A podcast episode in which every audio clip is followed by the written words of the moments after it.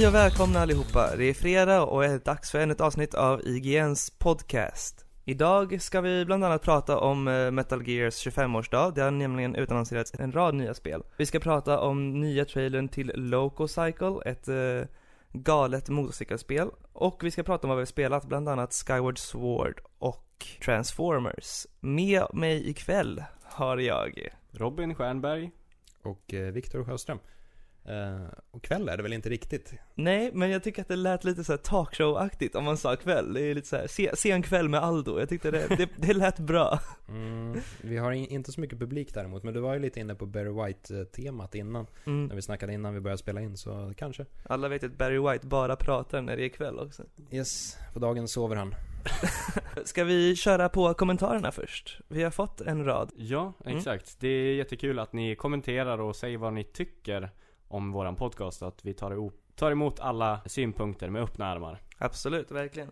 Vi har bland annat eh, läsaren, eller lyssnaren kanske man ska säga, Aron, som eh, har eh, gett oss en eh, punktlista kan man säga på saker som går att förbättra. Och eh, ja, vad, vad bland annat så säger han ju att vi borde mixa ljudnivåerna och vi, vi ber hemskt mycket om ursäkt för att det var lite ojämnt där senaste avsnittet. Det, vi, vi var olika avstånd från mickarna, omedvetet. Ja, exakt. Nu har vi mätt med linjal och hoppas att det blir bättre. Jag tror att jag fuckade upp ljudnivån lite också. Eh, så vi kan, vi kan skylla det på mig. Precis, hatar Robin. Vi ska visa lite mer energi tycker han. Det är svårt att ta, vad, vad betyder det? Alltså det, det är väl att vi, vi ska vara lite mer energiska liksom Lite mer på, vi ska, vi ska ställa rätt följdfrågor, vi ska Ska du prata fortare menar du?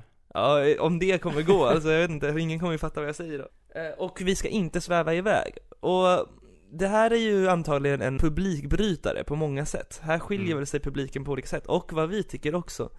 Vi förstår ju såklart att det finns många lyssnare som inte lyssnar på en podcast för att det är roligt utan kanske för informationen och analyserna och så vidare.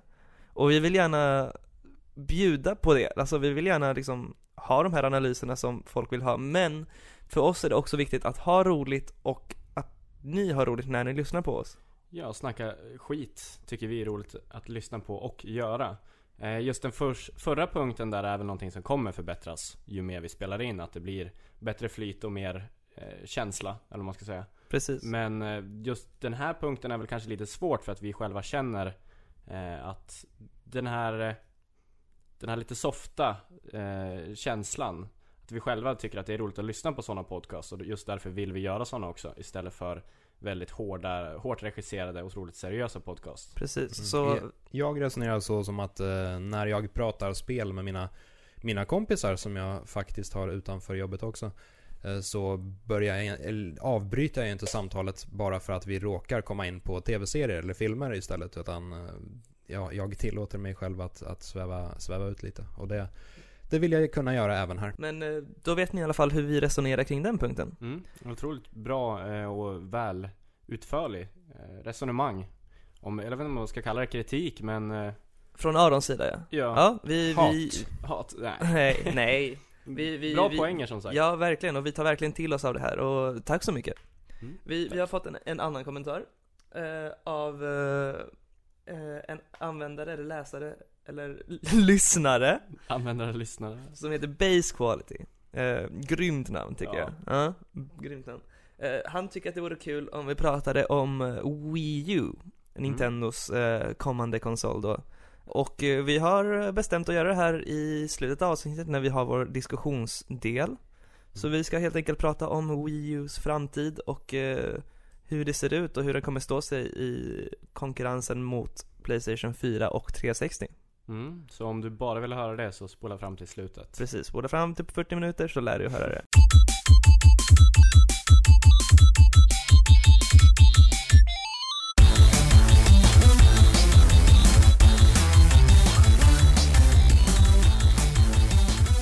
Vidare till nyheter då. Första nyheten är då att eh, Metal Gear Solid har ju som sagt haft 25-årsjubileum.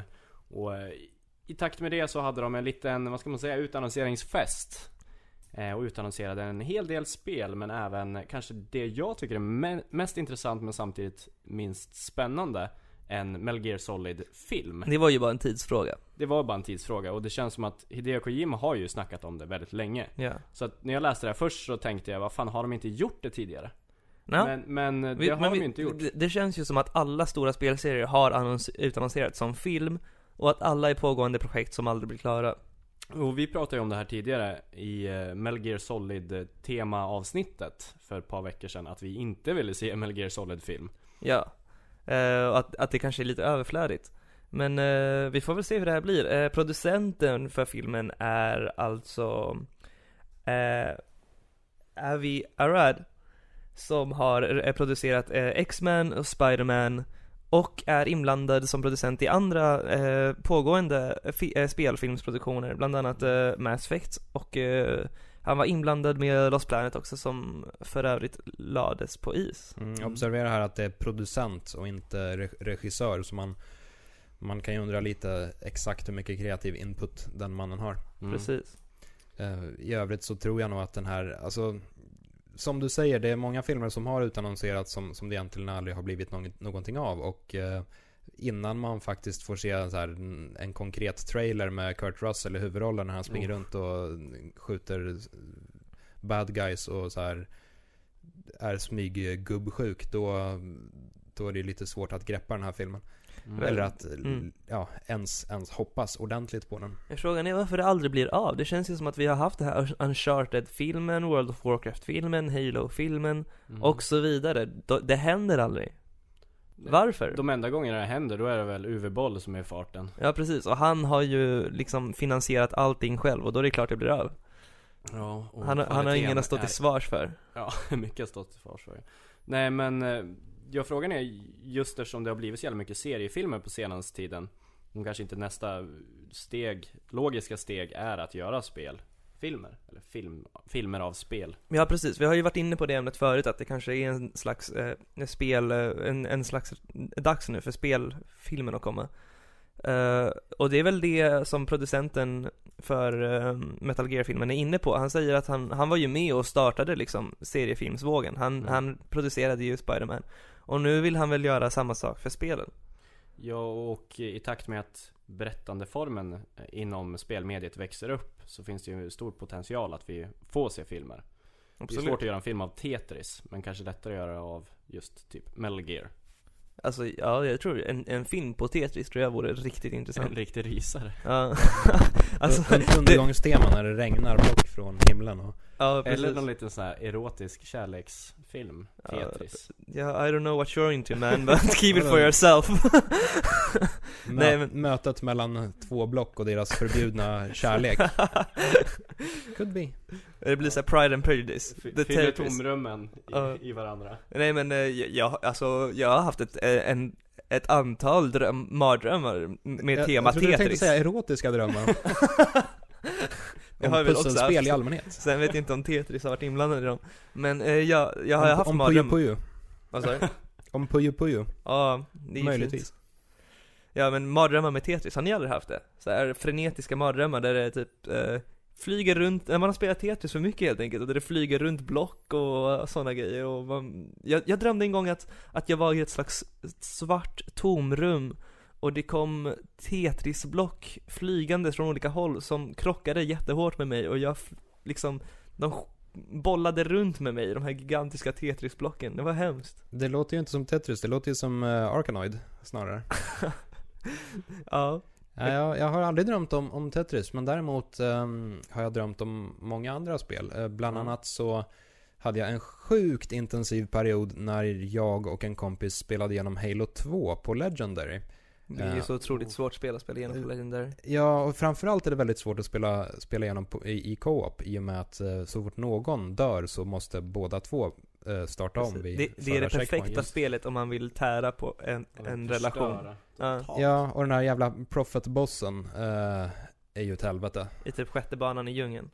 Ja, han flyger runt på någon jävla tron av något slag och så ska man eh, hoppa Jo, upp och typ eh, spöa upp honom Ja. med händerna. Eh, han är sjukt svår i alla fall på Legendary i co-op. Är- Men i, i alla fall, eh, så efter att vi hade kört en så här spelsession en, en kväll så, så däckade han helt enkelt i min soffa. Jag gick och la mig. eh, i min säng. Eh, och sen vaknar jag mitt i natten av att det börjar regna in eh, plasmagranater genom mitt eh, sovrumsfönster. Så jag får panik och så här flyger upp ur sängen och springer ut till soffan och så här ruskar liv i honom typ Shit, hörru, vi måste springa härifrån. Hela, hela stället kommer att sprängas, det ligger plasmagranater på golvet. Eh, och han har ju inte hunnit vakna riktigt än så han typ va, va. Eh, och sen någonstans där så börjar jag inse att vänta ett tag, jag, jag drömmer nog faktiskt fortfarande lite. Och så smet jag iväg och gick och la mig innan han, han vaknade till ordentligt.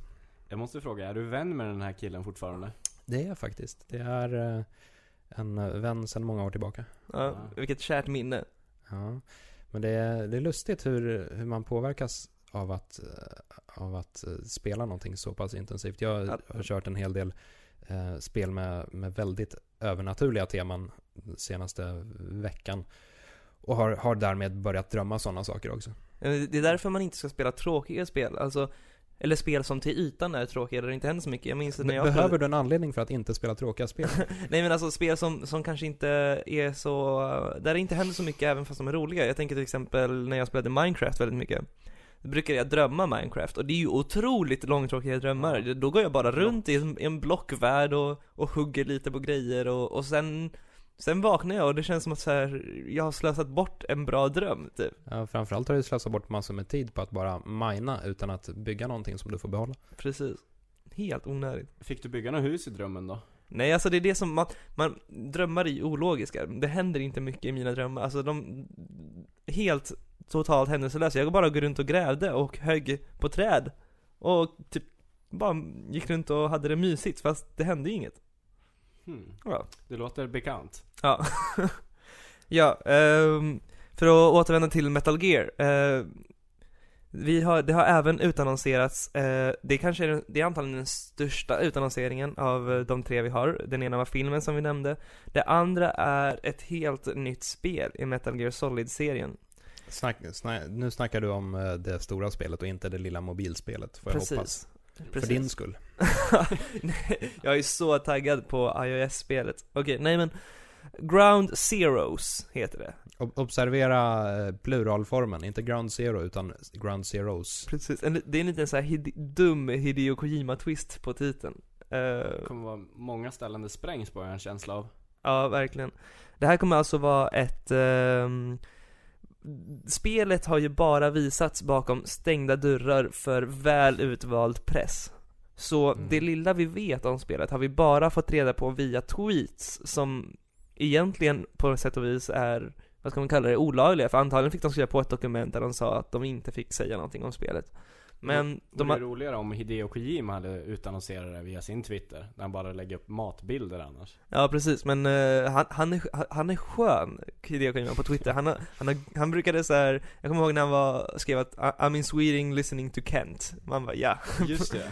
Eller så brukar han, han brukar skriva vad han lyssnar på. Han lyssnade på Depeche Mode häromdagen minns jag. Jag är enormt Depeche Mode-fan så jag blev glad. Ja, Hur som jag, jag, helst. jag brukar bli lite, lite lack på honom dock, liksom.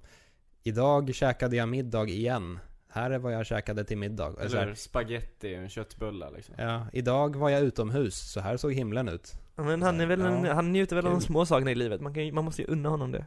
Ja. Kanske övertydlig i livet. Därför han kan vara så flummig i Mm. Precis. Jag ska nog börja tweeta bilder på så här mikromiddagar. Så här, idag käkade jag Det en är min fin, pizza. ja, Findus eh, lövbit. Ja men lite så, det är lite så här Instagram-trenden. Man får ju lust att... Mikrar du man lövbitar? Mm, ja, men det, de, Findus har ju såna eh, färdiga. Oj, Och det, jävlar. observera, det är inte lövbiff, utan det är lövbit. Ja jag vet, det, det, då vet man ju att det inte är bra biff. 10% kött. Mm, 90% eh, jag vet inte vad, gummi kanske. Ja, men jag, jag kan känna mig igen det här, det här behov, eller lusten av att revolutionera lite mot så Instagram-trenden som går nu, där alla ska lägga ut så pittoreska och fina bilder från sitt liv. Ja, Ja, här, här är en liten mak- makrobild där- på en blomma. Där varje måltid är ett mästerverk och då får jag lust att bara så här. Idag vaknade jag och var bakis och åt chips till frukost och sen åt jag makaroner med senap och ketchup till lunch, här är bilden. Och så är det så här äcklig makaronröra, ni vet när man, inte när man har så här ketchup och senap på makaroner utan när man har rört om det också, så det ser ut som en enda stor klägg. Stuvade makaroner också kanske. Mm, precis. Men det är, det är lite, det kräver lite ansträngning. Hur som helst. Sant. Eh, så vi vet ju väldigt lite om Ground Zeroes för tillfället, förutom att det kommer vara ett, vad som ser ut att vara ett open world-äventyr. Mm. Jag kan ju läsa lite av eh, tweetsen som kommer vara på engelska från journalister som var på plats och har spelat det här spelet. Eh, det har bland annat sagt Metal Gear Solid Ground Zero demo was truly amazing, running on a PC at current gen specs. Wow. Vi har en annan tweet som skriver Demo of Metal Gear Solid Ground Zeroes started with cutscene, all real time, went into gameplay, open world, night, raining base. Amazing. Så det är cutscenes i nästa Metal Gear alltså? Hmm. Precis. Hmm. Förvånande. Och sen followed by Snake crawled at avoiding searchlight killed guard road jeep called in for evac sounds like MG but the scale and atmosphere wow Wow. Mm. Så det här verkar väl vara någon slags Alltså jag tänkte säga mer episk men jag vet inte om det går att göra serien lite mer episk Det verkar helt enkelt vara mer Metal Gear Mm. Det har läckt ut en bild, någon Ja. form av bild på Snake när han står just i regn och har på sig en utstyrsel som påminner lite om Sam Fishers, alltså Mm, hjälten från, från Splinter Cell-serien. Och Sam Fisher är ju ökänd för att vara spelvärldens största jävla träbock, ja, tyvärr. Ehm, men, eh, ja, vad fan. David Hayter lär väl, lär väl kunna ge liv även i en sån utstyrsel. Absolut Ja så vi får väl helt enkelt eh, hålla ögonen öppna och spana in på IGN så kommer ni så fort vi vet mer också veta mer Mm. Det är lite intressant och det här med att eh, spelet ska vara, eh, ha en öppen värld. Det var ju lite det som Metal Gear Solid 4 skulle ha varit på förhand. Det snackades Mm. väldigt mycket om att man aldrig skulle kunna vara säker, så här, no place to hide. Ja men lite och, så dynamiken i ett slagfält typ. ja, och med facit i handen så blev det kanske inte riktigt så. Ehm, men det tycker jag nog snarare var en av en av fördelarna, en av få fördelar med Metal Gear Solid 4. Ehm, jag, jag, tycker ofta... alltså vi, vi hamnar så lätt när vi ska här, prata om Metal Gear Solid 4, man, man har verkligen åsikter om det spelet Ja, men tyvärr är det ju så. Eh, nej men, eh, hela den här trenden kan man ju säga med, med att göra öppen, eh, stora öppna världar, den blir, den, den blir, den är inte alltid att föredra tycker jag. Nej inte jag heller, jag, jag, jag kan bli stressad av stora världar är, är jag ensam om detta? Jag är stressad vet jag inte, men eh, jag, jag känner ofta att, att de stora världarna blir lite urvattnade och att om man tar en lite mer linjär och fokuserad upplevelse så, så blir den ofta mer polerad och Mm, Ja, Ja, just mycket riktad. av ytorna är ju färdsträckor nästan. mm, mm. Men för att ge ett exempel, så här, öppna världar som kan göra mig lite stressad, till exempel Säg eh, Metal Gear Solid, för att referera till den serien Mm. i Snake Eater, när man kommer in i, en, i ett ställe i djungeln där man, man ser på kartan att det här är enormt Och man vet att man måste ta sig från ena punkten till den andra, så det är ju rätt linjärt egentligen mm. Men hela stället är enormt och det finns så många olika saker att ha hänsyn till och att man, jag får ju liksom lite ångest av att veta att jag måste så här, jag kommer vara i det här rummet i kanske en timme nu och försöka ta mig till andra punkten Gå runt och leta efter små saker. Precis, och eh, kolla på rörelsemönster hos vakter. Samtidigt är det väl där charmen ligger någonstans med eh, Snake Eater. Så, så länge det hålls så pass, ehm, så pass eh, litet och överskådligt att man faktiskt kan blicka ut över stora delar av området, Mm. av området i alla fall. Kanske inte nödvändigtvis precis hela, men så att man kan planera stora drag i förväg. Då, Mm. Det är nog det jag... Det, det är då Metal Gear eh, blir som bäst för mig personligen. Mm. Mm. Just att spana lite från, eh, från ovan och kanske kolla ut vilka rutter vakterna Absolut. tar och sen planerar, Ja. planerar man ihop något schysst mord. Det är intressant också att de eh, pushar ut ett stort Metal Gear-spel med Snake igen. Eh, Just eftersom eh, Raiden får sitt lilla äventyr här i, i Revengeance. Mm. Eh, Men jag tycker, får man, har man fått veta när det här utspelar sig? Jag tycker det känns lite fail att slänga in Snake efter MGS4. Hans saga var ju slut där. Alltså vi vet ju otroligt lite om det här spelet, så det är, det är ju antagligen det är för tidigt för att säga någonting i princip. Ja, för det första så måste det ju därmed utspela sig tidigare än, än Metal Gear Solid eh, 4. Så kanske mellan Mm. tvåan och fyran då. I och med att Snake ser eh, yngre ut på den här konceptbilden. Eller inte konceptbilden, men eh, bilden. Kanske Som åldras släpptes. baklänges, som Benjamin Button.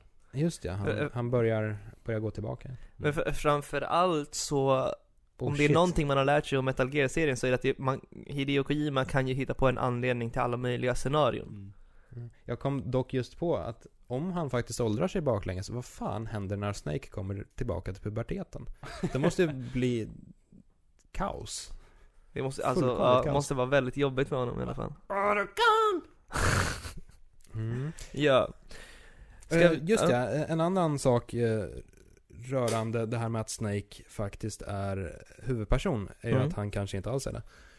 Eh, inför Metal Gear Solid 2 så, Mm. så gillade ju Kojima att Precis. lura oss. Han lurade den spelvärlden, han kanske vill göra det igen, vem vet? Mm. Eh, det kanske bara är Man får vara Raiden i det här också egentligen. Det är ju som när de utannonserade att man skulle vara Raiden i Metal Gear Solid Revengeance på um, något E3 tror jag det var, eller Tokyo Game Show och det var så här. Först var det ett nytt Metal Gear, alla klappade och alla sen var 'You will be playing as Raiden' Just det, var det inte där han typ puttade ner Snake från någon kant? Kanske det, och så var det jättefå som klappade och så var det någon jävel som visslade liksom, men det var ju verkligen inte väl mottaget. Eh, samma sak med eh, inför Metal Gear Solid 3, Snake Eater då, när, eh, när det visades eh, Ja, först visades det väl att, att eh, det var Kojima som gjorde spelet och sen var huvudpersonen väldigt oklar så då var det en liten, en liten stol där det stod så här main character på. Och så Mm. dök Raiden upp på ena sidan och Snake dök upp på andra sidan. Och Snake var klädd i någon form av märklig, just eh, Splinter Cell-aktig utstyrsel och sen fick de slåss lite om platsen. Men Just det. början på trean körde ju en sån luring också om man hade en sparfil från tvåan. Att då när han landar på sitt första uppdrag så har han på sig en Raiden-mask som han bara drar av. Mm. Ja, sweet Fan om man inte har någon aning om vem man ska vara och startar där bara, vad i helvete? Det är, det är ju sådana små saker som får en att inte kunna släppa Hideo Kojima på något sätt Det är lite märkligt ändå att Metal Gear-serien har så otroligt många sådana där små Easter eggs och finurligheter och, och sånt som inte en jävel kommer hitta. Man, man, jag skulle vilja se lite statistik över liksom hur, hur stor del av, av spelen som eh, folk faktiskt Ja precis ser. Med tanke på att statistiken nu för tiden säger väl att det bara är typ 40% av spelare som klarar ut spel överhuvudtaget Mm. Och om, om man bara tog alla de resurserna och använde dem till något annat, vad skulle man kunna skapa då? mm. Det kan vi hålla i huvudet När vi går vidare till nästa nyhet om Metal Gear Solid Det här är alltså den sista Eh, Och det är som vi uh, snuddade vid tidigare att det släpps ett nytt Metal Gear Solid-spel till iOS Smartphones. Eh, Det har ju redan släppts Metal Gear Solid-spel till smartphone tidigare. Det kommer heta Special Ops. Bara namnet indikerar ju på att det här kommer bli ett relativt tråkigt spel antagligen Ja, Por- Portable Ops till PSP var väl ingen jättehöjdare. Men det, här, det, det hade ju varit roligare om det här hade hetat Very Portable Ops. Ja, för, Det är det, mer för, för, för att det är mer bärbart Mm. Ja. Peace Walker var ju bra i och för sig, så det går ju, Mm. och, och det var ju ändå liksom jämförbart med Portable Ops. Det hade ju, släpptes ju på samma, samma plattform. Så alltså det finns ju, finns ju potential att skapa ett bra bärbart Metal Gear, men eh, Absolut, men det, Men det man- har ju släppts ett Metal Gear till iOS som är en rälsskjutare Mm. ja, det är kanske inte riktigt det man vill ha av Metal Det Gear. var ingen höjdare. Nej Ja, ska vi lämna Metal Gear bakom oss kanske? Vi har ju pratat så mycket om det och det är ju så lätt att fastna där Mm. Eh, Vi har en, eh, det har nyligen utannonserats en ny expansion, eller DLC kanske man säger nu för tiden, lite gammaldags att säga expansion eh, Till eh, Skyrim Ja. mm.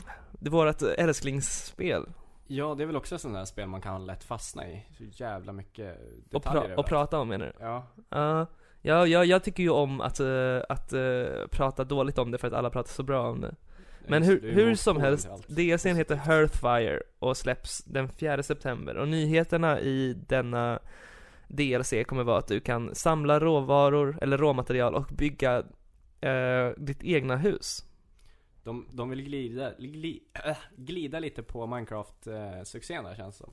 Ja, och lite Sims-aktigt Mm, också. Det är mm. liksom hela, hela trailern där vi får se hur man bygger hus och man kan bygga egna rum.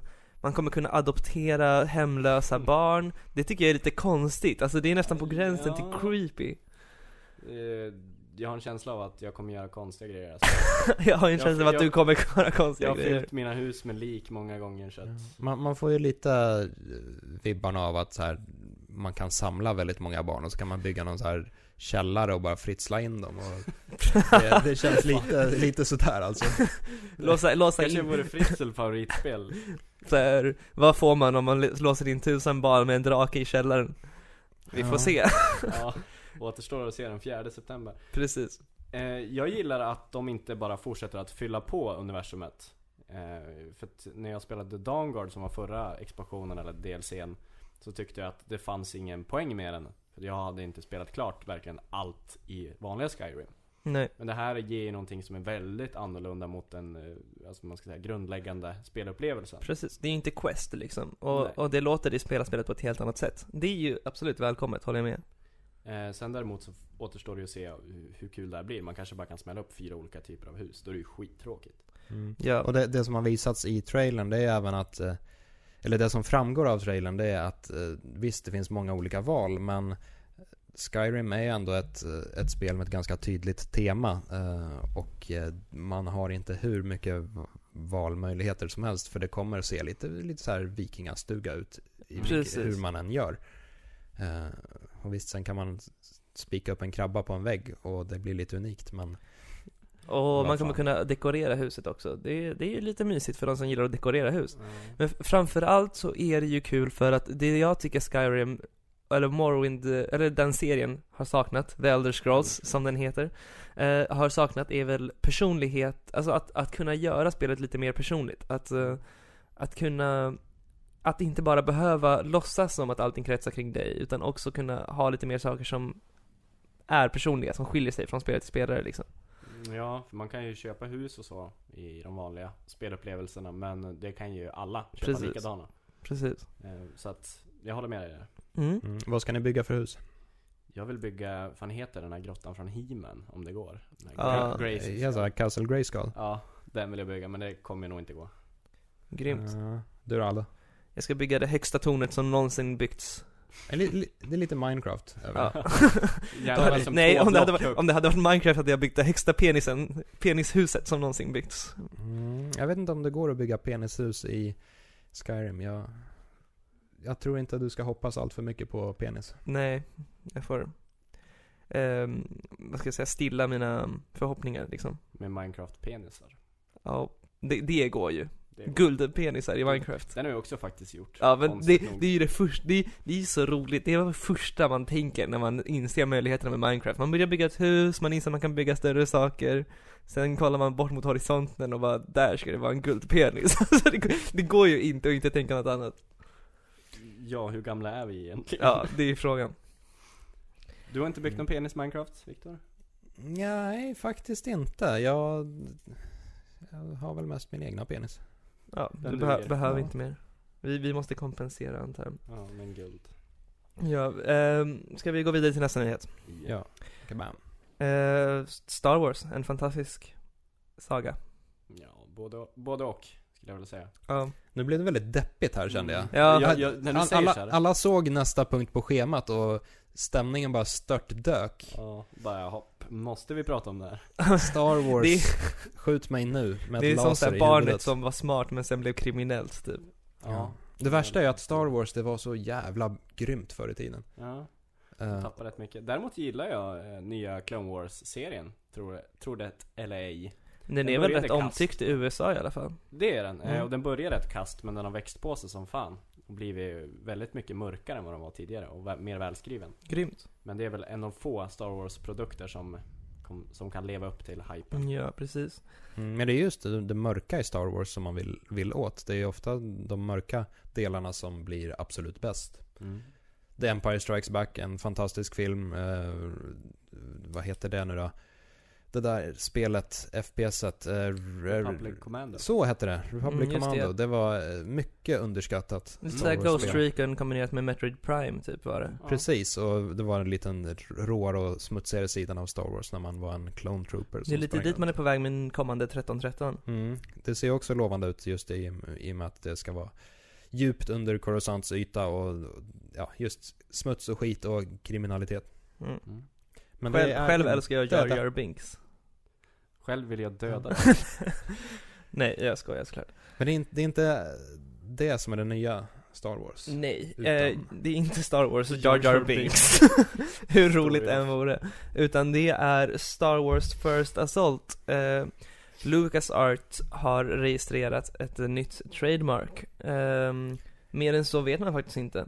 Eh, Mm. Men eh, spekuleringarna går ju för fullt såklart. Mm, och då tänker jag slänga in en, en liten eh, vild brandfackla här och, och säga att det är en, eh, en remake på Rebel Assault.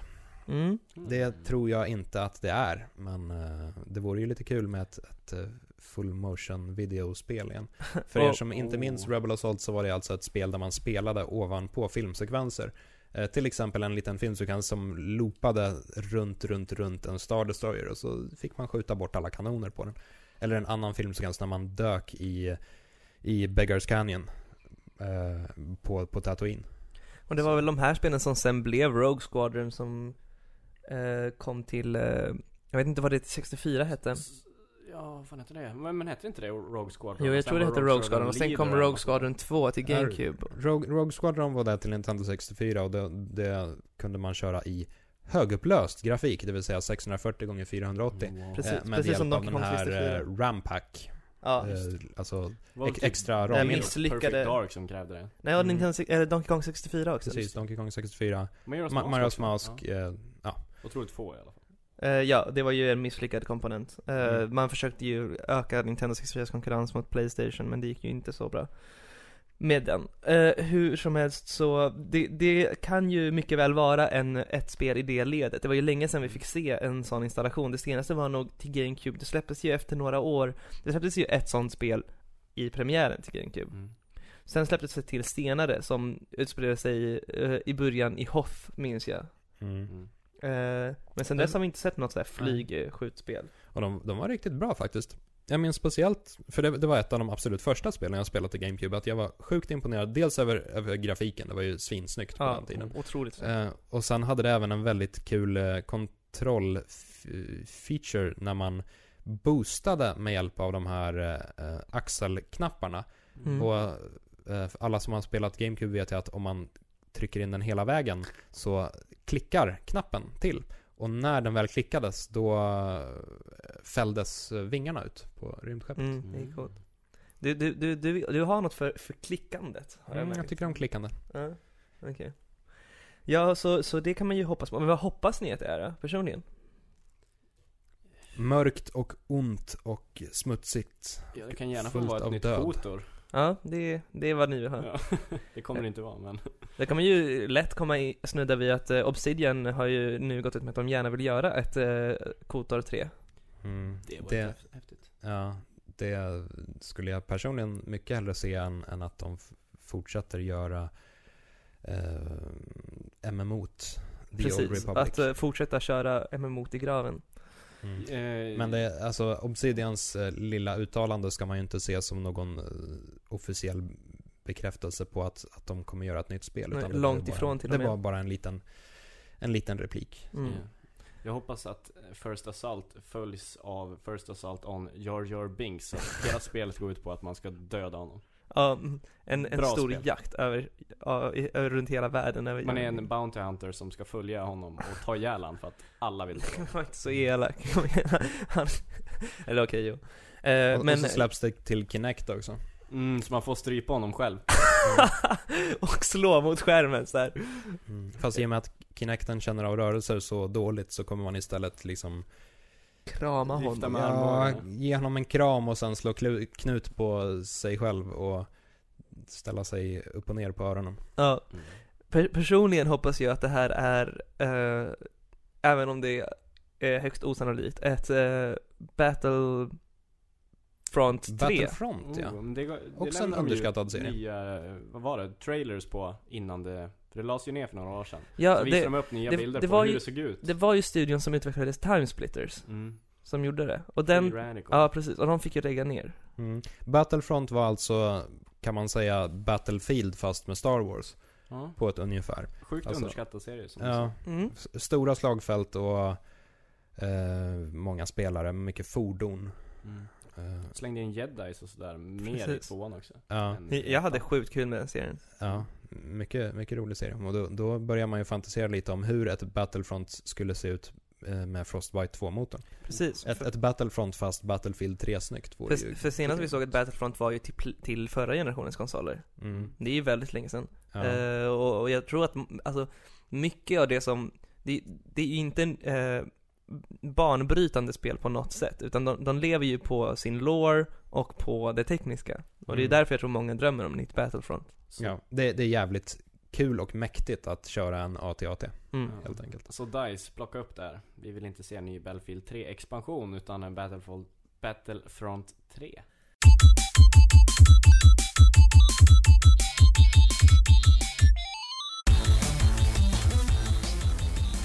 Vi ska prata om eh, veckans trailer då. Spelet med det fantastiska namnet eh, Lococycle eh, av eh, Twisted Pixels som tidigare gjorde The Ma och eh, Splosion Man och Mrs Splosion Man. Eh, som ser ut att vara någon slags arkadkörarspel där man är en motorcykel med en man som hänger med ett ben efter den. Mm. Man kan sammanfatta det som att det är ett spel som handlar om en man som har råkat fastna med sina jeans i en motorcykel. Som vår vän Oskar Skog sammanfattar det som. Ni, ni, kan, ni kan självklart se trailern på vår hemsida, så ni kan förstå vad vi pratar om. Ja, det är väldigt svårt att fånga, alltså hur fan det ser ut. Precis. Det, det, det är ju konstigt. Eh, spelet ska släppas 2013 så vitt vi vet och det här var liksom debut-trailern så vi har inte, det enda man har vetat om det här spelet tidigare är att man fick se loggan flash förbi under E3.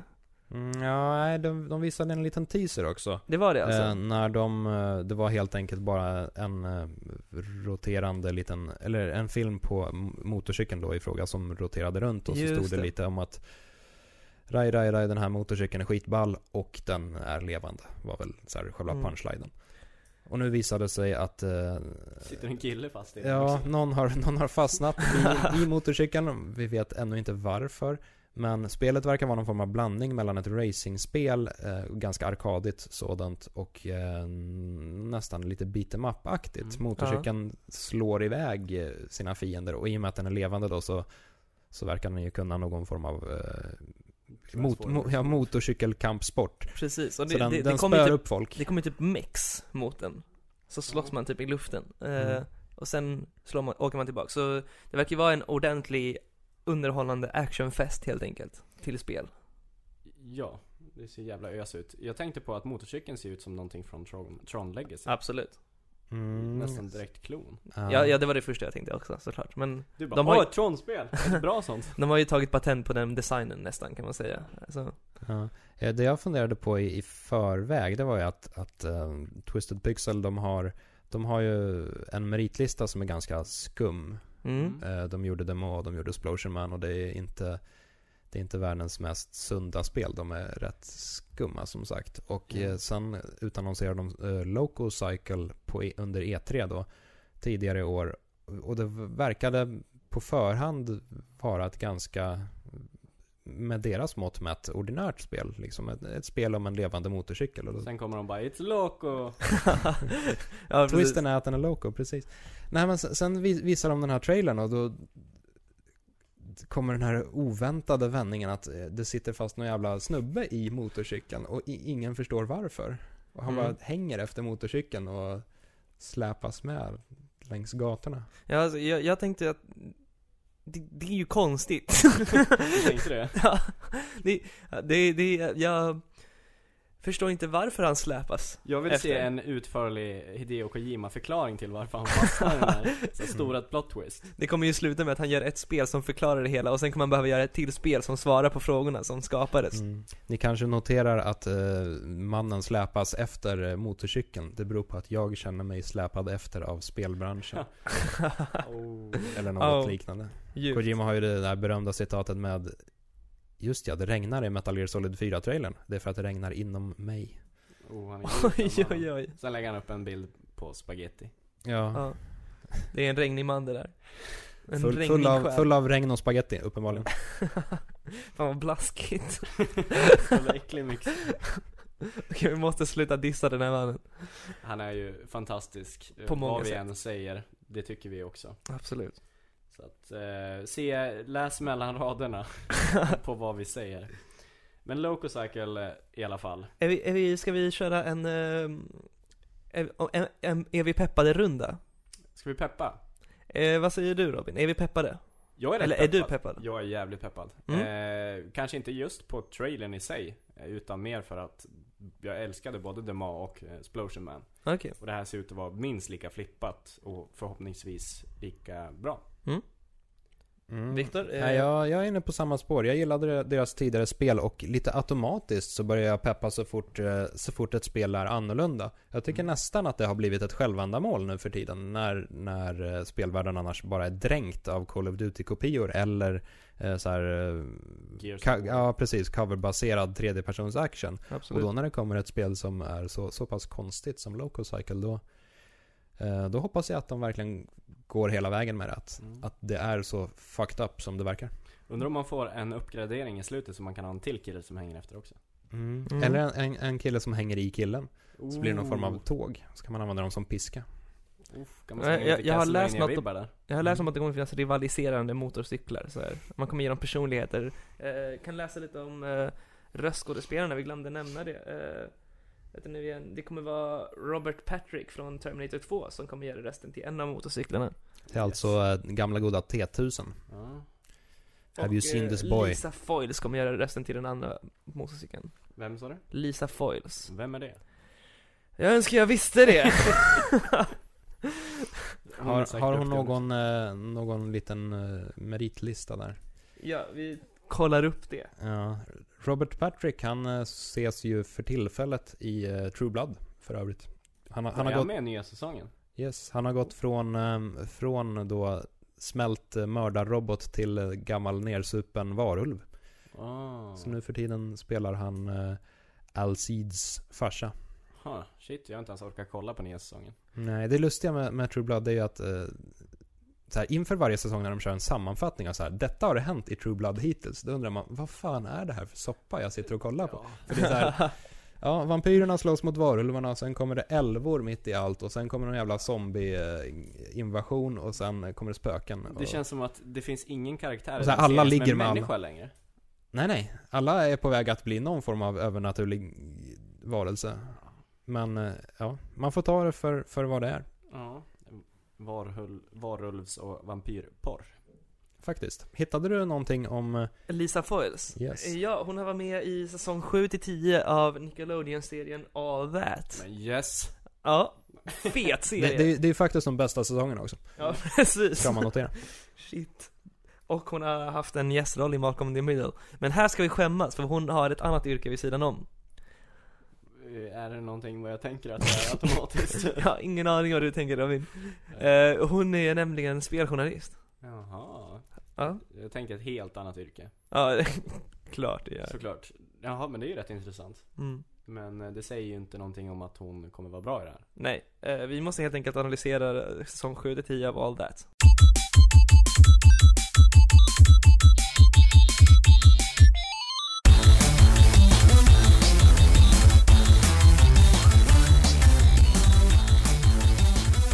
Vad har vi spelat denna vecka? Jag har inte spelat så mycket, jag har flyttat. Du har flyttat. Mm. Var har du flyttat? Jag har flyttat till eh, Näckrosen. Vi är på blåa linjen vid eh, Solna ungefär. Mm. Mitt emellan, gatan jag bor på är där gatan skiljer sig mellan Solna och Sundbyberg. Så parkerar man på fel sida och kör, köper automat till parkeringsmaskinen där, då kan man få parkeringsböter ändå, Jaha. tydligen. Eh, nej men jag har faktiskt spelat lite Dust, An Elysian Tale.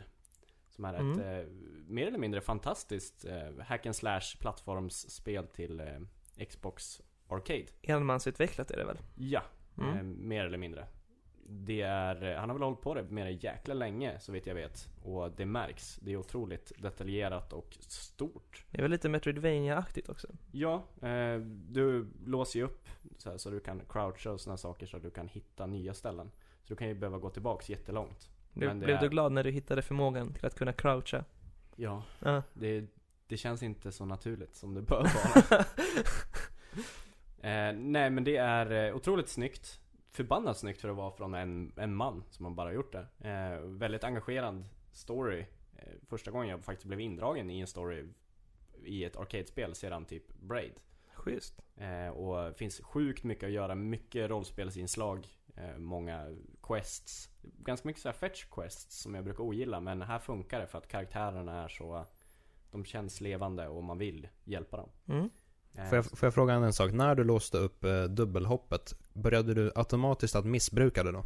Mm, det, Det brukar vara så. Jag har inte låst upp dubbelhoppen. Mm. Då ser du fram emot lite Mm, missbruk. du har gjort det alltså? Eh, nej, inte just Dust. Men Ja. i, i alla former av Metroidvania-spel, när man väl låser upp ett dubbelhopp, då, då kan man ju inte Mm. längre gå i en korridor utan att bara automatiskt dubbelhoppa lite Ja. då då. Eh, jag vet inte om man kan låsa upp det där. Jag hoppas på det för att det är epic med dubbelhopp. Däremot har man någon konstig förmåga att man kan skjuta iväg projektiler och sen snurra sitt svärd och typ flyga fram i luften. Och det där brukar jag våldta rätt brutalt. Eh, flyga fram över hela fälten och döda en fiende och slå på han tills han har dött tio gånger om. Bara för att komma framåt. Det är så morbid. Ja men jag tar mig framåt i kartan. Och dödar samtidigt. Ja, ja, ja. Win-win. Det är multitasking på hög nivå. Fett. Eh, nej men fantastiskt spel. En recension bör komma upp snart och jag kan rekommendera det varmt. Grymt. Mm. Du tycker att det är bra redan nu alltså? Det tycker jag. Jag har spelat ganska mycket, bara att jag inte har hunnit recensera det just för att flytten kom emellan. Ja. Så du då kan vi läsa den snart. istället? Ja. Fantastiska Nekrosen. Mm. Viktor, du, ja, du har spelat, eh, du har slagits med eh, Vad har jag spelat egentligen? skrotiga, rostiga robotar. Rostiga är de inte, men eh, de är stora. Jag har spelat Transformers. Det Okej. är alltså uppföljaren på eh, War of Cybertron, det vill säga Fall of Cyber- Cybertron. Eh, och jag, jag tyckte ju om originalet. Eh, och jag är även en stor Transformers-fanboy, ska jag säga. Så jag tyckte att, eller tycker att det är ganska intressant bara att, så här, se vad de har gjort med karaktärerna och Mm. se vad de gör med storyn. Och så här, åh, titta, hur kommer Starscream att förråda Megatron den här gången? Och, så. och det är egentligen skit, skitfånigt, men eh, ja. Kan, Ja. kan du berätta lite om hur de här spelen spelas? För jag har ingen, jag har ingen aning faktiskt. Mm. Det är, I grund och botten är, är det tredjepersons action, eh, vilket jag alldeles nyss var inne på att hata lite. Men ehm, twisten är ju att för det första har det inget coversystem överhuvudtaget. Eh, för det andra så har det ett, eh, ett eh, ja, transformsystem istället. Så man, man kan förvandla sig till, fram och tillbaka mellan ja, humanoid robot och någon form av fordon. Mm. Och det och rör sig ofta om någon form av bil eller tank, men det kan även vara flygplan och helikoptrar. Är det strikt linjärt eller är det öppen värld? Ja, sig det är, det är ganska linjärt, men man, man slussas mellan olika slagfält som är, eh, som är ganska öppna. Mm. Jag, jag är inte alls bekant med de här nya Transformers-spelen, men är det någonting likt Transformers-spelet till Playstation 2? Precis, jag tänkte nämna det, för det Mm. var ju otroligt roligt. Det var riktigt, riktigt bra. Eh, Det, eh, och det var även baserat på Transformers eh, Armada. Mm. Det är inte det här, utan det här är någon helt ny tolkning. Det här är baserat på, på de nya douchebag-filmerna, eller? Nej, det är det tack och lov inte heller. Det här har alltså ingenting att göra med Michael Bays eh, lilla klavertramp. Okej. Det, det är väl Transformers glad, är fans glada över.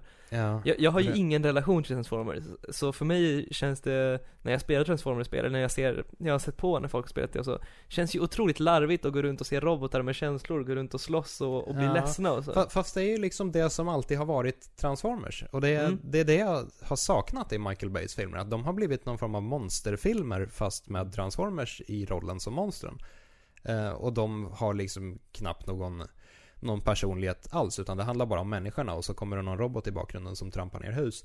Mm. Eh, och det, det är liksom inte vad Transformers har, betyder för mig. Utan det har alltid varit någon så här ganska cheesy såpa med massa intriger mellan robotar. Men, och, och, Och du det- känner att, att spelen har tagit tillbaka den här charmen som, Ja. som filmen eh, försummade? Ja, precis. För båda spelen utspelar sig då på Cybertron, Transformers hemvärld.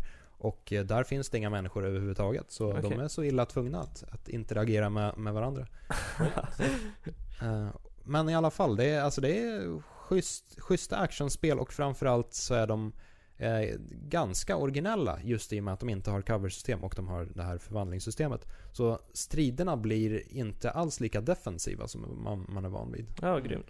Eh, Så istället för att sitta och trycka bakom någon, någon pelare någonstans så så måste man hela tiden hålla sig, hålla sig i rörelse och byta form och Mm. springa runt. Är det, är det bra multiplayer? Eh, första spelet hade co-op rakt genom hela kampanjen. Okej. Eh, det har de tyvärr tagit bort Mm. i, inför andra, utan de har en, en separat co-op. Eh, vad jag har sett hittills. Okej. Jag gillar Jag har inte med... spelat klart den, så jag vet inte om jag eh, låser upp någonting eller någonting Mm. sånt. Jag gillar idén med separat co-op. Eh, Jag gillade som fan i senaste Splinter Cell att man har ett eget litet äventyr när man sitter med en kompis. Istället för att du får spela vanliga single play-kampanjen men med en till. Så att det brukar bli lättare. Mm. Jag, jag är inte lik, riktigt övertygad där. Jag brukar ofta tycka att det blir sämre sämre uppdragsdesign när man gör ett äventyr vid sidan om. Jag tycker att det märks att de inte har lagt lika mycket hjärta på de uppdragen som oftast på kampanjen. Ja, risken blir ju just att det är, det blir så här ungefär som en, som en deathmatch. Att man får typ en karta och sen får man ja, typ en pil. Gå, gå, gå hit och döda det här. Eller gå hit och håll det här området eller något sånt. Och det, det känns inte lika givande som, som Jag, jag, jag tycker om någonting, nå, någonting med, det, med det här ogenomtänkta i kampanj-coop som liksom man, man gjorde ju ingenting åt saken till exempel i början när Coop kom till kampanjlägen som i typ Halo så här. Jag tycker om det här när man helt plötsligt så bara finns det två Master Chiefs och man skiter Just i att liksom behandla det här i handlingen utan du bara tar det an spelet, ingenting förändras i princip. Till och med svårighetsgraden är densamma. Det är liksom enklare bara för att du har en till. Alltså, De det- belönar att man har vänner. Det är Precis. för sig lite fint. ja, Mm. Ja, i och för sig, då straffar man den som inte har vänner. ja, hur som helst. Det, det, det är ju, jag tycker om det här att, det är så här opretentiöst och bara, vi slänger in en till spelare, låt det vara som det är. Och sen har man försökt hitta anledningen till varför och så vidare längre fram. Mm. Nu, nu för tiden så har det ju snarare gått åt att, åt att även om man spelar spelet själv så har man alltid någon AI-kompanjon med sig som, som en annan spelare kan kontrollera om man, om man Precis. skulle råka, råka ha en kompis. Som nästan alla gånger är otroligt korkad. Alltså AI, inte kompisen. Ja, det är som att spela kanske, Army of kanske även Two. kompisen. Mm, det går inte. Nej. Fattar de med Army of Four, där man tvungen att skaffa tre kompisar. Fan vad jobbigt. Det blir svårt Jag även hade svårt nog att hitta en. Fråga uteliggare. ja, precis. Nej, jag, jag är positivt inställd till Transformers. Jag tycker att det, det verkar... Ja, hittills. Jag har inte kört klart hela spelet än. Men hittills så är det en värdig uppföljare. På tal om Transformers så kan jag ju nämna lite snabbt. Jag ehm, läste lite om serier, tecknade serier, barnserier eller vad man ska kalla dem, under 80-talet. Där bland annat, eh, ja men He-Man, eh, Transformers, sådana. Och hur, eh, hur de under den tiden utnyttjades mest bara som som någon typ av reklam för att sälja produkter. Ja, ja, absolut. Så, Mm. så är det ju absolut. Eh, och det, det märker man extremt tydligt på, på Transformers. Jag älskar Transformers, men eh, eh, man ser ju ändå att det finns en ganska cynisk Tanke bakom det hela. Ja, bakom det hela. Att de, de har ju verkligen försökt sälja in leksakerna. I, liksom varje gång det introduceras någon, någon ny robot i serien, då är den extremt mäktig och bara spöar skiten ur alla andra. Så här, Mm. Nu kommer... Dragon Ball-effekten. Ja, nu, nu kommer eh, den här nya gruppen, så här typ eh, Combaticons. Och de så här, är övermäktiga. Ja. Och sen vet man att ja, om ett par avsnitt då, då har de här etablerats och då kommer de sälja in en ny eh, leksak. Och då kommer det vara den som är övermäktig istället. Och så här Combaticons Mm. kommer stå i bakgrunden och göra ingenting. Det är ju som när Optimus Prime dog. Det var ju bara för att öka försäljningssiffror av Optimus Ja. Prime. Alla vill ha när han inte finns i serien längre. Precis. Jag tycker det trevligaste med den gamla tecknade serien var de här moralkakorna i slutet. Glöm inte barn att alltid på er en flytväst. Mm. Och så här, det är fel att lemlästa folk. Tänk inte. Gör inte Det är så. skönt att de Trampa sätter vär- värderingsskalorna på plats hos barn liksom. Eller hur? Ja. Döda inte Now I know, and knowing is half the battle. Ja. Eh, vill någon fråga mig vad jag har spelat? Eh, nej. Fan vad dålig stil. Vad har du spelat Aldo? Jag har spelat The Legend of Zelda, Skyward Sword. Och det är inte världens nyaste spel. Nej. Snyggaste? Nyaste. Nej, inte nyaste. Eller snyggaste för den delen. Jag tycker det är jättesnyggt. Eller det bästa. Ja, det är snyggt. Gud vad, det är inte gud vad ni är neggiga.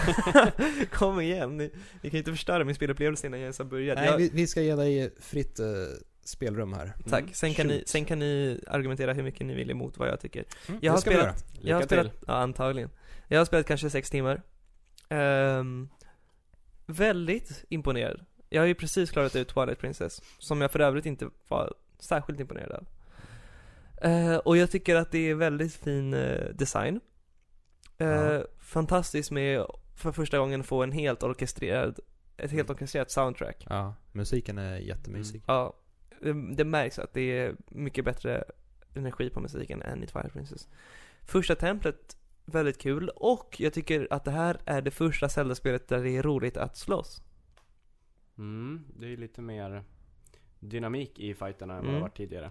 Jag tycker om att man, varje fight är inte självklar hur den kommer sluta. Det har det alltid varit i tidigare Zelda-spel förutom A Link to the Past och de innan till de gamla generationens spel. Men, eh, Alla tredimensionella Zelda-spel. precis, så Mm. kan vi säga. Kan sammanfatta det med. Eh, det är liksom lite mer allvarligt på det sättet. Sen handlingsmässigt och så kan jag inte uttala mig så mycket än för jag har ju bara spelat sex timmar, jag ska precis in i andra templet. Men jag blev väldigt positivt överraskad av första templet och jag tyckte bossen var väldigt rolig. Just Mm. ja. Det är alltså, första bossen är eh, en slags, eh, E- Emo-snubbe. ja men han är lite mm, eh, androgyn eh, svärdsmästare kan man kalla det. Så blir det någon slags svärdduell där. Mm. Han, han är typ syntare va? Ja, tuff syntare. Mm. Nej men det är lite oväntat boss, första bossen, att det är eh, en större karaktär Mm. än bara någon random monster. Mm. Det håller jag med om. Det, det märks att de, de, de provar nya grepp och det tycker jag bara är positivt när det kommer till Zelda. Det, det, det borde de ha fortsatt göra efter Wind Waker i Twilight Princess, men det gjorde de inte och nu kommer de tillbaka till det och jag hoppas de fortsätter göra det. Och sen så hoppas jag att det här spelet fortsätter imponera mig lika mycket som det gjort hittills. Vad menar ni kommer förstöra min bra bild av Mm. Skyward Sword? Nu ska vi rasera ditt korthus här. Eh, Eller om jag har de här första intrycken redan från början efter fem timmar, kommer mitt goda intryck kanske bestå? Mm, nej, jag, jag håller med om att det, det är mysigt till en början, det är det. Och det har ett fantastiskt soundtrack. Eh, väldigt trevlig design och storyn är, är kanske inte jättefantastisk men den, det är i alla fall ett försök. Eh, Mm. Alltså den är ju, den är ju hyfsa, den, den är bra för att vara Zelda. Precis. Försök till nå- någonting annorlunda, åtminstone. Ja. Eh, det största problemet jag själv såg med Skyward Sword det var att det blev väldigt förutsägbart. Mm. Eh, och det här beror på att eh, Nintendo återanvänder miljöer. Mm. Det är ju ganska klassiskt eh, Klassiskt sätt att göra bandesignen på att ja men vi har ett tempel här och så är det ett tre meter bort som du inte kan komma till för du kan inte klättra upp där. Eh, jag tycker att lite det som förstör också är att det är otroligt linjärt och det var ju det lite de pushade på. Mm. Jag, för mig har alltid Zelda handlat om utforskandet. Mm. Och jag tycker inte att i Skyward Sword att man kan utforska nästan någonting. Mm. Förutom uppe i himlen då, men där finns det tre öar du kan kliva på. Typ. Ja, himlen, himlen borde- haft lite mer eh, att, att ge helt enkelt. Eh, Sen att, att eh, banorna nere på marken är ganska linjära, det tycker jag ändå är hyfsat kul. För där, där har de ju ändå försökt göra någonting nytt. Och, och det, det känns ju nästan lite åt så Mario 64-hållet, Mm. att det blir lite lekplatser över dem. Mm. jag, snarare än jag, ett- jag, har- mm, Zelda-spel. jag har noterat eh, såklart att det är mer linjärt och eh, jag uppskattar det verkligen. Eh, jag förstår ju att många, man associerar ju Zelda till stora och utforskande, som du säger, stora landskap och man har ju alltid haft liksom Hyrule Fields, Mm. eller havet i Wind Waker och så vidare. Ehm, jag kan hålla med om, eftersom att ni säger att himlen är lite innehållsfattig.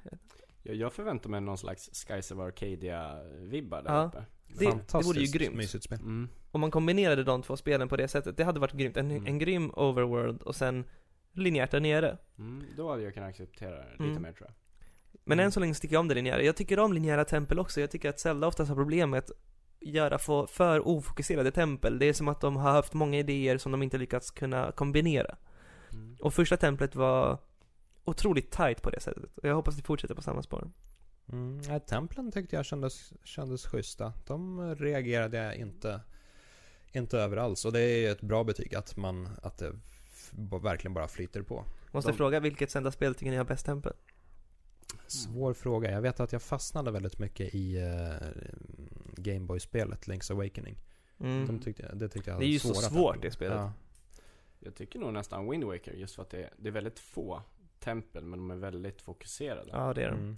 Wind Waker är ett spel som har fått väldigt mycket skit Eh, men Ja. som så här i, i, ef- Oförtjänt. ja, i efterhand så tycker jag att det håller sig väldigt bra. Mm. Mycket, mycket enhetligt spel framförallt. Wind Waker är personligen mitt favorit Zelda, men jag tycker att A Link to the Past har de bästa templen faktiskt. Mm. Ja, det är lättare att få en, en eh, överblick i, i tvådimensionella Zelda-spel. Mm. Det blir ju lite mer stiliserat på något sätt där. Precis. Men som sagt, Skyward Sword, det, det återanvänder miljöer på ett sätt som gör att när man har tagit sig förbi en viss punkt i spelet, då vet man exakt vad som väntar. Mm. Eh, och det, det går helt emot hela det här med att äventyra och Mm. att upptäcka nya saker. Att, Äventyra eh, på samma ställe igen. Ja, nu går jag på äventyr fast jag gör det hemma här i mitt vardagsrum där jag har varit förr. Ja, Liksom, Ja. jag förstår. Jag får hoppas att jag inte, att jag får hoppas att jag är för dum för att kunna se så långt fram. Du bara, vart är jag nu? Wow! Som en guldfisk. Ja, precis. Eller som en, en hund som blir glad lika gång, lika, varje gång den ser ens ägare. Eh, Kanske. Ja. Och, och jag får även hoppas att du tyckte om det här eh, lilla parallelldimension eh, eh, minispelet från Twilight Princess när man samlade insekter. jättetråkigt. Det Jättetråkigt. För det, ja, det, det kommer ett liknande i, i eh, Okej. Skyward Det, Sword. det är ju så förlegad uppdragsdesign design så det inte finns. Jag förstår Mm. inte varför man Det- ens hade det i Twilight Princess. Det, det är förlegat redan då. Och här är 2006. det väl inför varje slott, om jag inte minns fel? En sån Inte första moment. templet i alla fall. Nej, och inte det, andra det, heller. det kommer in lite senare i spelet. Ja, det kanske är efter halva. Ja, men det, det handlar alltså om att man, ska, man måste samla små eh, lysande, vad det nu är, jag kommer inte ihåg vad det var, piroger kanske. Eh, och det här går på tid och eh, när tiden tar slut då blir man jagad av eh, stora, stora monster. Och så fort man blir träffad så måste man göra om allting. Mm. Det är liksom okej. one hit kill. Ja, men jag får väl fortsätta spela och återkomma med mer intryck nästa Mm. avsnitt. Om jag hinner Kanske spela är mycket mer mer. bitter. Ja, precis. Mm. Jag hoppas inte det. Jag, jag försöker verkligen eh, hålla mig positiv. Ja, hur tycker du att eh, Zelda står sig mot eh, det lite mer aktuella eh, Darksiders 2? Jag recenserade ju Darksiders nyligen på IGN. Ni kan läsa min recension där och gav Ja. den sexa. Ja. Lite hårt kan man tycka. Ja. Jag recenserade det i tidningen Level och gav den 9. Oj, oj, oj. Damn, fight! Shit. Ah, yeah. Ja, nej men eh, jag kan förstå varför man ger en nia också. Jag kan förstå varför man ger det höga betyg. Mm. Men eh, det är väl helt enkelt ehm, Jag tycker att det, det är ett spel, man jämför det med Zelda för att det typ är det enda spelet som är uppbyggt mellan så här, transportsträckor, story, tempel. Precis som Zelda är det så. Mm. Eh, men jag kan tycka att det här Darksiders 2 har så många olika inspirationskällor eh, Så många olika inslag som redan har setts i andra spel som de försöker kombinera och i slutändan lyckas inte utveckla något särskilt mycket så ingenting blir speciellt stimulerande. Mm. Ja, det är ju eh, lite av en, alltså det återanvänder ju extremt många idéer från tidigare spel. Det har eh, tempelsystemet från Zelda, det har stridssystemet från God of War. Eh, första, por, eh, vad säger Portal, första Darksiders hade till och med ett portalsystem som liknade Portals. Mm, precis. Och, Och, um, ja, en, en sak som gjorde mig otroligt cynisk lite så här inför spelindustrin, det var när man såg, eh, ja, man såg ett, en, en enorm boss som man skulle möta. Och sen så mm, slog jag på den ett tag och sen så körde de någon slags automatiserad sekvens då man klättrar upp på den och dödar den och då tänkte jag så här för typ fem år sedan så, eller sex år sedan om inte mer så klättrade man själv på sina monster och dödade dem. Nu gör datorn allting åt en. mm. Gamla goda Shadow, Mm. Shadow of the Colossus. Precis, det var självklart en referens till det. Var det det Aldo? Jaha. Det var det. Mm. Men eh, hur tycker du templen funkar? Liksom Eh. i, om man jämför dem med Zeldas. Ehm, Håller de måttet? Mycket tråkigare, ofokuserade och inte lika tajta. Eh, inte så särskilt stimulerande pussel, utan pusslerna finns bara där för att skapa en tempoväxling till, slå, sl, till krigandet. Uh, är min uppfattning. Mm. Eh, Jag, jag gillade templen. Det enda, den enda beefen jag hade med det, det var egentligen animationen när War rullar enorma klot. Det finns någon form av... Eh, ja, pratar så du Darksiders 1 nu? Nej, nu snackar jag tvåan.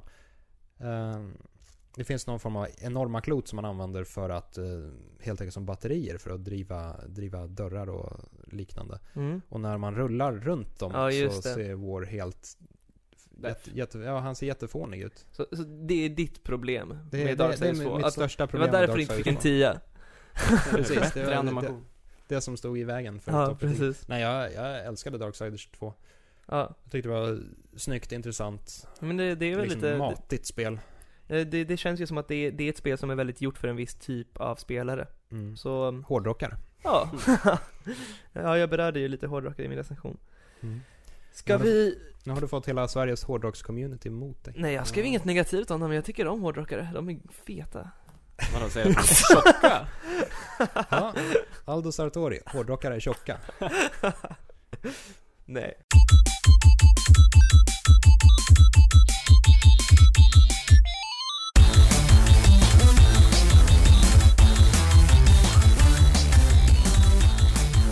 Slutligen då så har vi eh, som sagt fått ett önskemål om att prata en smula om Wii U, alltså Nintendos kommande konsol som kommer att släppas i vinter. Eh, och till att börja med så eh, måste jag säga att Wii U ger väldigt, väldigt konstiga vibbar när man spelar. Eh, kontrollen i sig, den är bekväm att hålla i. Den har ju, eh, alltså den är, den är skön att greppa. Men man vet inte alls hur man ska tolka den här skärmen. På så sätt att den känns för stor för att vara en bärbar konsol men den känns alldeles för liten för att vara en, en tablet. Så den är Så- alltså inte ens självklar för en eh, spelkritiker eller en speljournalist? Ja, eller man, man, Visst, den kommer ju kännas, kännas självklar om ett tag men liksom det, det första intrycket av, av en Wii U det är att det blir lite knas i hjärnan på något sätt. För största problemet med Wii U är väl att den inte känns lika självklar som Wii gjorde Mm. för ett antal år sedan. Eh, tror du att typ gamla pensionärer kommer kunna plocka upp den här och bara wow, smidigt? Nej, hittills så har ju Wii U gett väldigt konstiga vibbar. Ser man en Wiimote, då, då krävs det inte mycket för att förstå exakt hur den ska användas. Kom, Liksom- Kommer Aldo kunna spela på den som är 12? Just det. Eh, kanske, möjligtvis, vi får se. Eh, nej men liksom en Wiimote, den, den är så, så naturlig på något sätt. Och här försöker Nintendo istället göra allting på en och samma gång. Och det blir lite Mm. märkligt.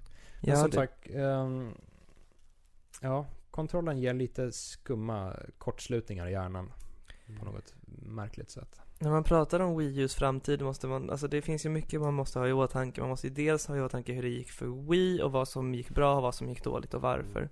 Det som gick bra med Wii var ju att det blev en konsol som kunde marknadsföra sig som annorlunda än alla andra konsoler. Mm. Eh, den var, som man, om man vill vara enkel kan man ju säga att den var mainstream på ett sätt. Den var ju nästan mer leksak än Precis. ordinarie, ordinarie spelkonsol. Och eh, det, det var ju också självändamålet. Shigeru Miyamoto sa ju innan att det här skulle vara en konsol som såväl gamla som unga skulle kunna spela. Den skulle förena generationer. Och på sätt och vis lyckades den det, även om den kanske är svårt för liksom en mormor att spela tennis. Och det blev ändå en eh, större skala människor som spelar. Och jag tror personligen att det är positivt för att jag tror att eh, mer människor har upptäckt spel med det här. Mm. Och utan det här skulle vi inte haft Kinect och så vidare och även om det är få hardcore games som är bra till dessa maskiner så är det ju fortfarande många mainstream-spel som är bra. Ja, och man drar ju in en publik som kanske annars inte ens hade börjat spela. Precis. Eh, Så att det är ju bra steg för att växa Mm. hela marknaden, eller branschen. Absolut. Mm. Wii U känns märkligt ofärdig än så länge också. Eh, Jag spelade lite under Gamescom och eh, visst, jag spelade inte världens kanske bästa spel. Jag spelade det nya Sonic eh, Racing-spelet. Alltså man, eh, transformerar Du kan ha bilar. spelat en av världens sämsta till och med. Ja, fast samtidigt eh, så tycker jag att förra Sonic Racers var eh, lite av en eh, underskattad titel. För sig, det, det fick ju helt okej betyg ändå. Ja, det, alltså det, fram, det framförallt från hade det skön kontroll. Och Mm. det kommer man ganska långt med i en, i en party eh, kart racing eh, tjosan historia. Mario Eh, Party. Mario Karty. Mar- Mario Kart, ja, Karty. precis. Party kart. Nej men kon- kontrollen i sig, den är än så länge eller den jag fick använda då, den, den är sladdad via en så här grov jävla sladd eh, där bak. Och Mm. ja, PR-personalen menade förvisso att det, liksom, det skulle komma en, en trådlös alldeles snart. Men än så länge så är kontrollen inte färdig och Nintendo är extremt oroliga över att, eh, att folk ska fota den här nuvarande med sladd.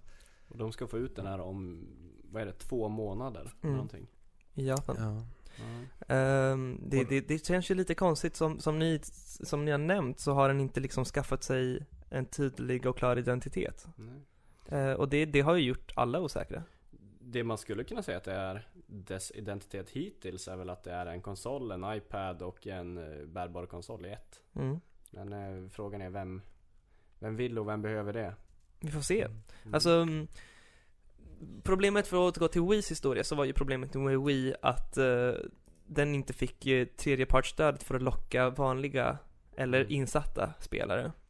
Fast å andra sidan så har ju Nintendo-spel aldrig sålt speciellt väl på grund av tredjepartsutvecklare. Nej, Utan precis.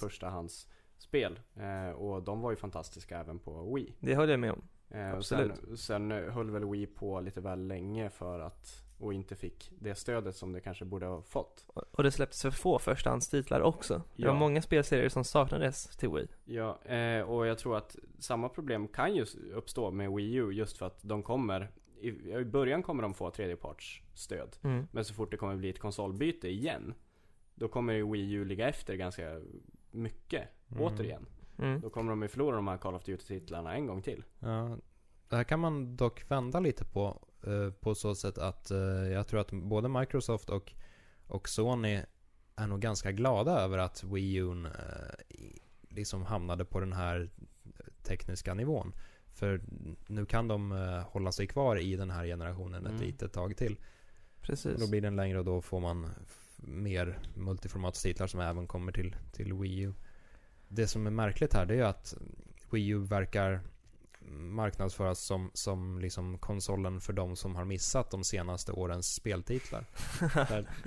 Man kan Ja. spela Batman-spelen på dem, man kan spela Arkham City och så här Mass Mass, Effect. Mass Effect 3. Och Precis. ska, ska vi gå runt och hypa upp oss inför att spela Mass Effect 3 någon gång i vinter eller till våren? Det verkar ju... Det, är- det är ju Ah. svårt att tänka så.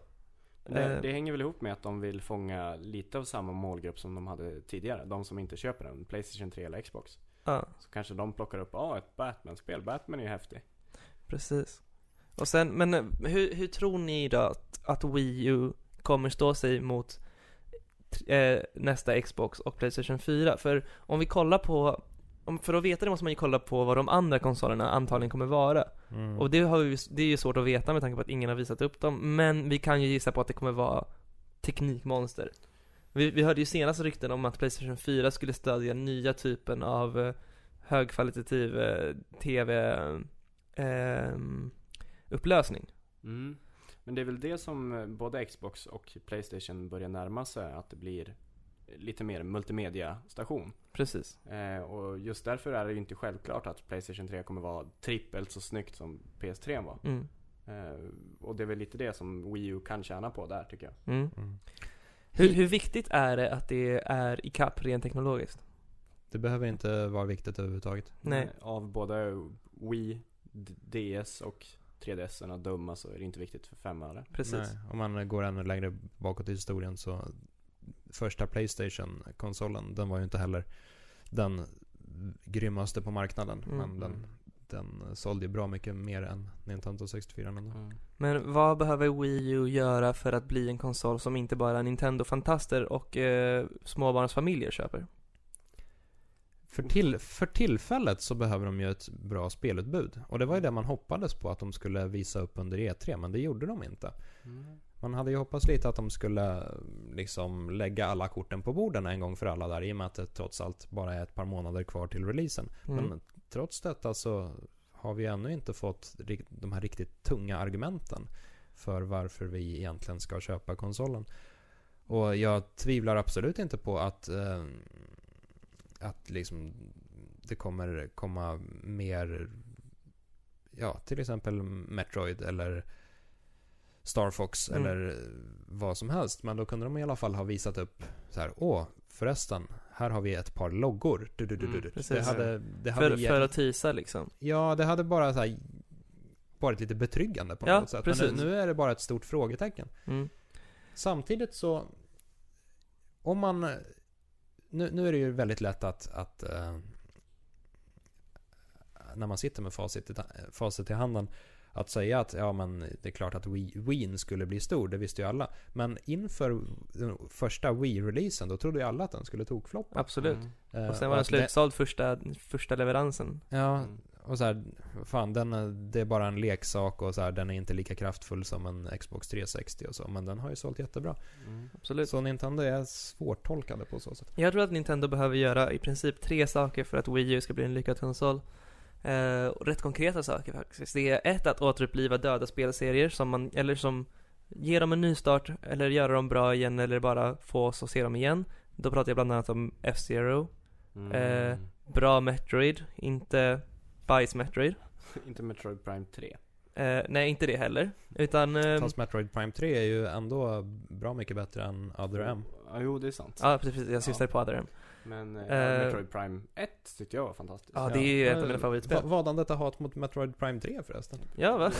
Oprovocerat. jag vet inte, jag aldrig gillat det. Jag tyckte det var bara slentrian och otroligt. Okej. tråkigt.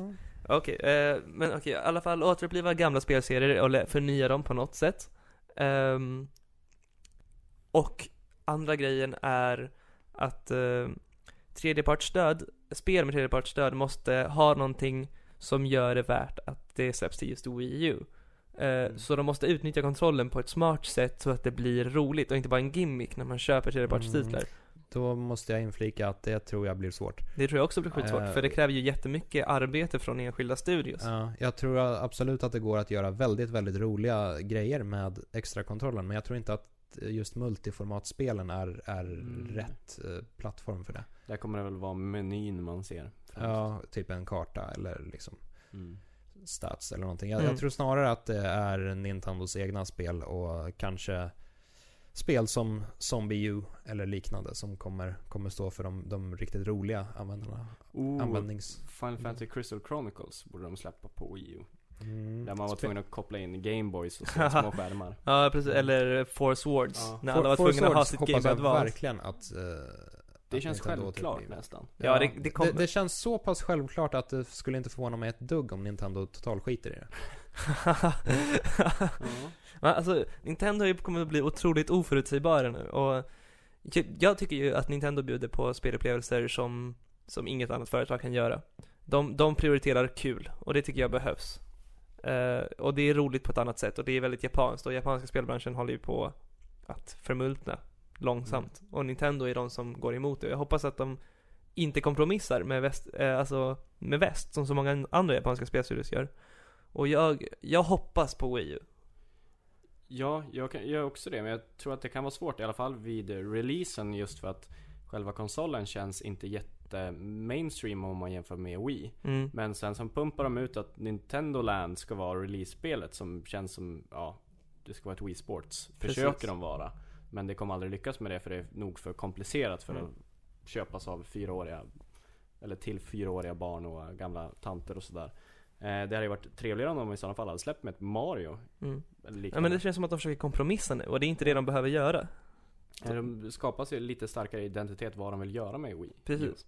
Mm. Jag, tror, jag tycker nog ändå att Nintendo Land är en hyfsad release-titel. Jag tycker, personligen är jag inte så jätteintresserad av spelet, men det är ju ändå en, en, en samling av minispel som ska just visa hur kontrollen Mm. funkar. Så det är en, på så sätt nästan något av en, en interaktiv instruktionsbok. Jag tror Nintendo Land kommer bli asstort och det kommer leda till asmånga andra spel i samma universum.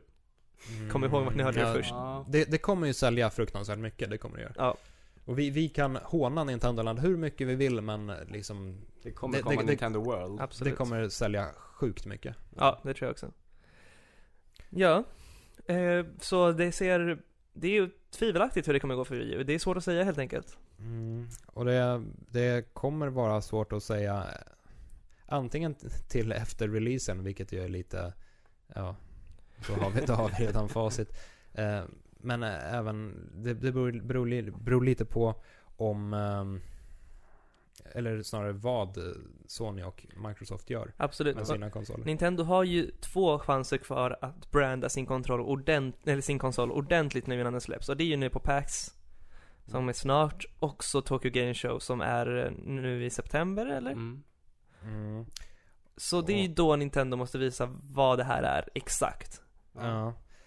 Och sen hänger det även lite på hur snabba Nintendo är på att reagera och justera eh, Ja, sin, sin marknadsföring. Absolut. Ehm, om man kollar tillbaka på 3DSen så hade ju inte den världens bästa lansering. Men Nej. där lyckas de ändå styra in den på rätt spår. Med hjälp av eh, prissänkning och, och ett par riktigt, riktigt stora spel. Mm. Så vi får väl se. Framtiden är, är outgrundlig. Djupa Aldo igen. Ja. Det är lite Hideo Kojima över dig. ja, precis. Min själ är ett regn. Eller är mitt regn en själ? Det är väldigt heavy rain. Oh. Mm, det är kanske dags att bryta nu. Ja, Nu jag börjar vi närma oss Göteborgstrakterna. Och med det eh, vill vi tacka för oss och tack så hemskt mycket för att ni lyssnade. Eh, kom gärna in och kommentera mer om vad ni tycker, vad, vad ni vill att vi ska prata om. Eh, med mig idag hade jag, Robin Stjernberg och Viktor Sjöström. vart hittar man er? Var hittar man oss egentligen? Mig hittar man på Twitter på at Victor underscore Sjostrom utan prickar. Och mig hittar man i Näckrosen men även på Twitter at Robin Stjernberg. Så nu kan man staka dig också. Så kan man staka mig. Däremot kan man inte söka på mig på Eniro för att jag var tvungen att ta bort mitt nummer därifrån. För att eh, han som blev tvåa i Idol har exakt samma namn som mig. Och vi är de enda två i hela Sverige. Ja, vad dålig stil. Jag han fick- gick före det han alltså. gick före mig, men däremot snodde Så, jag så det kom massa groupies och bara Ja nästan så, jag fick, jag fick kanske så här fyra, fem samtal per dag och um, jävla massa sms och sådär Ja, det låter ju spontant jättejobbigt med 14-åriga småtjejer som ringer och, och skriker Men eh, Been däremot there bro, been there. Been there där, Ja. fast de trodde ju att du var du Aha. No, du gav mig en komplimang för en gångs skull. ja, hur som helst. Mitt namn är Aldo Sartori och mig hittar ni på Twitter, at Aldo Sartori. ja. Tack för oss! Tack, Adjö. ha det bra